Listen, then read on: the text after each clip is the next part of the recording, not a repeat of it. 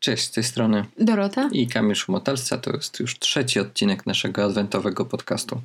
Dziś chcielibyśmy mm, zacząć już podsumowywać, zbierać to, co się działo do tej pory. E, ostatnio mówiliśmy dużo o modlitwie. Modlitwie, która ma przenikać naszą codzienność, e, która ma być modlitwą nieustanną, a równocześnie mówiliśmy także o modlitwie, która musi być specjalnym czasem dla Boga i wiązać się mm, z pewną mobilizacją, wiernością, nawet małej, ale jednak takiej stałej praktyce modlitewnej, którą sobie mm, wybierzemy, na którą jesteśmy w stanie znaleźć e, czas każdego dnia. E, dzisiaj chcielibyśmy mówić o tym, no po co się modlić? No po co cały czas próbować e, przenikać modlitwą naszą codzienność? Bo jest pewien konkret, do którego dążymy i warto sobie ten konkret stawić przed oczami a mianowicie jest to miłość bliźniego, e, bo możemy być mnichami, a w zasadzie nawet nie mnichami, tylko pustelnikami, którzy zamknięci w swoich pustelniach będą spędzać długie godziny na, na modlitwie, ale nawet oni, nawet pustelnicy, muszą uczyć się ciągle miłości bliźniego. E, mnisi w zakonie, w klasztorach też muszą się ciągle uczyć miłości bliźniego. E, I my, świeccy, żyjący w świecie na co dzień, e, musimy na co dzień uczyć się miłości bliźniego. Jasne, że mamy troszkę łatwiej, bo mamy na co dzień bliźnich, których sobie wybraliśmy, takich jak żona, E, czy, czy, czy mąż, czy, czy nasze dzieci, które no, jakby naturalnie jakoś próbujemy i, i, i w miarę udaje nam się to, to, to robić, ich kochać. Ale co zrobić, kiedy rzeczywiście jest trudno mi kochać ludzi, z którymi spotykam się na co dzień? Zaczynając od pani w, w, w kasie w sklepie, przez osoby, które, z którymi spotykam się w pracy, aż po, po rodzinę E, po, po jakąś e, rodzinę, z którą się często gryzę, nie potrafię dogadać i, i, i te kontakty są tylko raniące i, i trudne.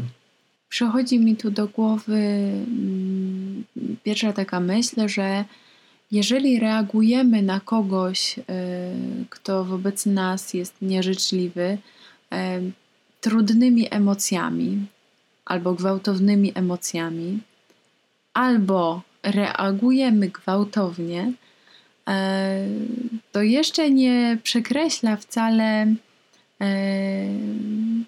miłości bliźniego. Nie, nie oznacza, że nie ma w nas miłości bliźniego. A co mam dokładnie na myśli? Że mm, musimy pamiętać o tym, e, że emocje są konkretnymi sygnałami, które o czymś nam mówią że ktoś e, nadepnął nam e, na odcisk, że jesteśmy gdzieś bardziej wrażliwi, że jesteśmy, e, jesteśmy też ludźmi po prostu, że jesteśmy na emocjach, emocjami sterowani w jakiś sposób, tak? sygnalizowane są różne nasze wewnętrzne stany emocjami i to nie jest nic złego, tak? trzeba umieć je zauważyć, nazwać i koniec kropka. Jeżeli wybuchniemy, no to już podnosimy większą odpowiedzialność, aczkolwiek jako e, cholerycy możemy też, no niejako niestety powiedzieć, że nie zawsze możemy zapanować nad, e, nad swoim wybuchem. Do nas należy odpowiedzialność, aby przeprosić za swoją reakcję, no i naprawić wyrządzone zło. E, drugą taką mam myśl odnośnie trudnych osób do kochania, żeby je ofiarować, ale też ofiarować e, swoje cierpienie, nazwijmy to, cierpienie znoszenia tych osób. Żeby je ofiarować, to jest pierwsza rzecz, to na pewno wiele razy już to słyszeliście, żeby oddać takie osoby Panu Bogu. E, zrobić to nawet egoistycznie tylko dla siebie. Panie Boże, weź się, zajmij tą osobą. Ja nie chcę się męczyć i zmagać wewnętrznie z tym, jak ona jest dla mnie trudna. Niech to będzie Waszą modlitwą, żeby Pan Bóg po prostu uwolnił Was od takiego napięcia, które czasem towarzyszy nam w obecności trudnych osób. A druga rzecz, ofiarować swoje cierpienie, to po prostu a, ta no, najprostsza taka metoda ascetyczna, e, czyli możesz podjąć post, możesz umartwić się przez, przez odmówienie sobie posiłków, a możesz umartwić się i powiedzieć: Panie Jezu, ja znoszę dla Ciebie e, tą osobę, jej obecność, to, że jest tak niesympatyczna e, i tak uszczypliwa dla mnie, i znoszę to e, z miłości do Ciebie, łącząc się z Twoim cierpieniem na krzyżu. Przychodzi mi tutaj na myśl jeszcze jedno zdanie, które kiedyś gdzieś przeczytałem, a do tej pory nie jestem w stanie znaleźć, kto był jego autorem, więc jeśli ktoś z Was słucha, czy wie, to, to proszę odezwijcie się i dajcie znać, e, kto to powiedział. A mianowicie powiedział, że jeżeli mamy dość już ludzi, którzy plączą nam się pod nogami i zawracają nam głowę, e, to żeby spod nóg przenieść ich do naszego serca. Dzięki temu będziemy mogli ich kochać i nie będziemy musieli ich deptać i, i z nimi walczyć. E, to jest takie proste zdanie, prosta myśl, ale pokazująca bardzo mocno, do czego powinna formować nas modlitwa, do czego właśnie powinna nas przygotowywać, czego powinna nas uczyć, e, do, do, do jakiej wrażliwości w ogóle powinniśmy dążyć e, jako chrześcijanie, jako katolicy. I to, co mówiła Dorota, żeby uczyć się takiej miłości, e, jaką miał Jezus na krzyżu. I to jest e, strasznie trudne i, to jest myślę, że nieosiągalne też do końca na tym świecie, chociaż przykłady wielu świętych pokazywały, że jednak da się chociaż, chociaż w jakiejś części tak, tak kochać na, na, na, wzór, na wzór Pana Boga, na wzór Jezusa.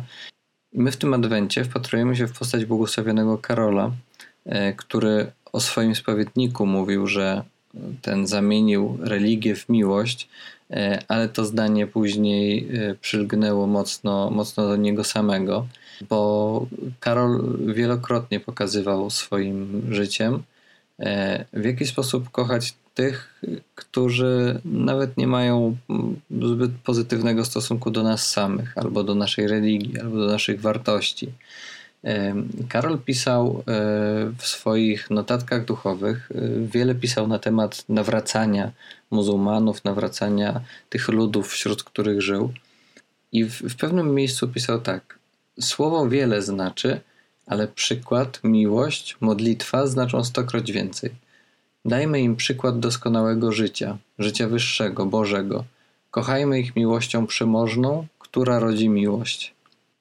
I to jest bardzo mocne zdanie Karola, które jest swego rodzaju drogowskazem, który nam zostawił yy, i wskazówką, w jaki sposób powinniśmy patrzeć na nasz rozwój duchowy, na nasz rozwój życia duchowego, że samo yy, czytanie słowa, yy, sama modlitwa, no nie wystarczą, że tutaj jest potrzebny przykład naszego życia, miłość, przykład życia właśnie bo, z Bogiem, życia, życia Bożego, życia duchowego, e, które są o wiele bardziej pociągające niż nawet najlepsze katechezy.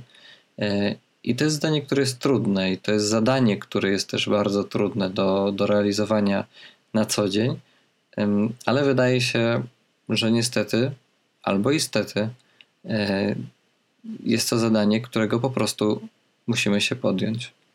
Wydaje mi się, że mm, stanęliśmy e, przed taką pokusą, żeby koncentrować się na swoim życiu duchowym, na swoim rozwoju, na mm, leczeniu swoich y, y, różnych dolegliwości, strapień, na swoim zmaganiu się z grzechem.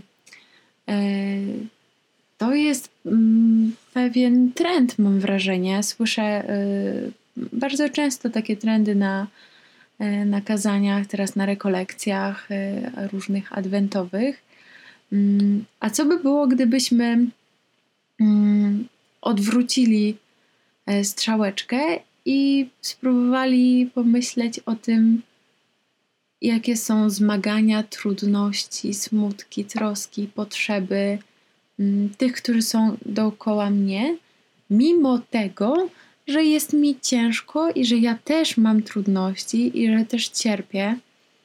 E, ale znowu, spojrzeć na krzyż, na Jezusa i jakby uświadomić sobie tę prawdę chrześcijańską, że, mm, że naszym celem jest miłość, a nie naszym celem jest y, komfort. To jest, y, y, mam nadzieję, dla Was różnica między tym, że się nie troszczę o siebie, zapominam o sobie, e, że nie leczę swoich, e, swoich różnych cierpień, a różnica między tym, kiedy odwracam się od siebie i zauważam również drugiego i jego potrzeby. E, tutaj chciałabym zejść do poziomu rodziny i tych najbliższych.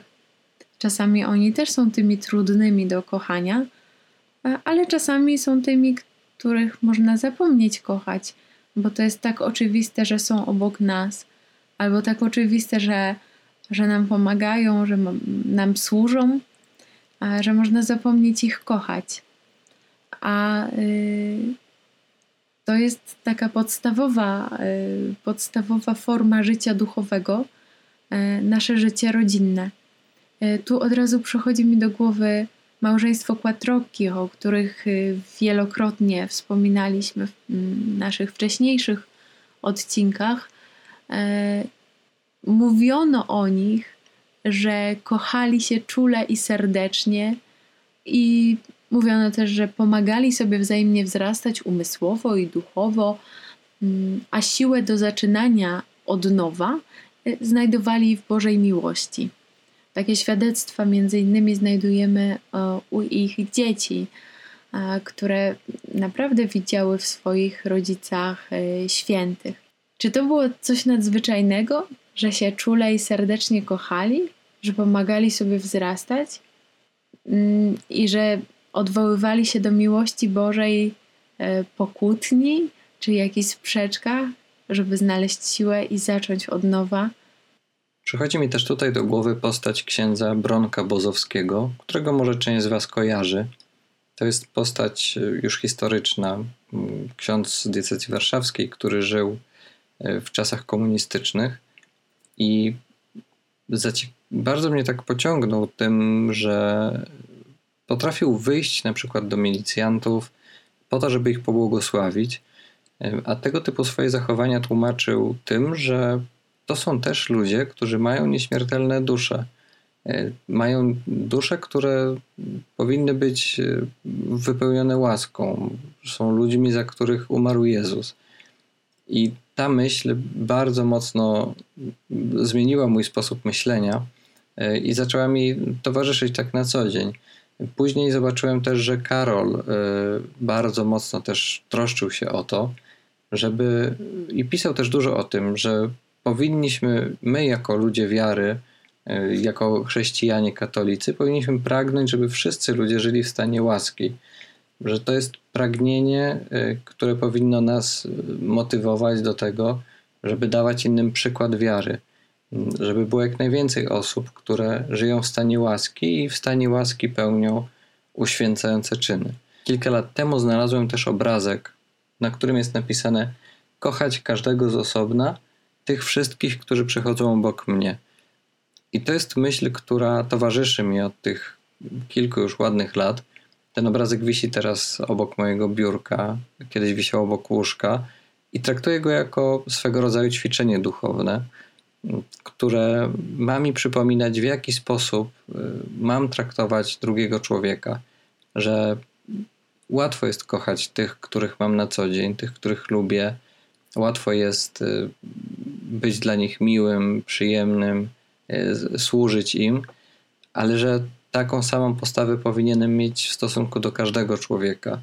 też do tych, których nie lubię, z którymi jest mi trudno, bo powinienem właśnie patrzeć na nich przez ten pryzmat, którego, który pokazał ksiądz Bronek Bozowski, czyli przez pryzmat duszy nieśmiertelnej, że to są ludzie, za których też umarł Jezus.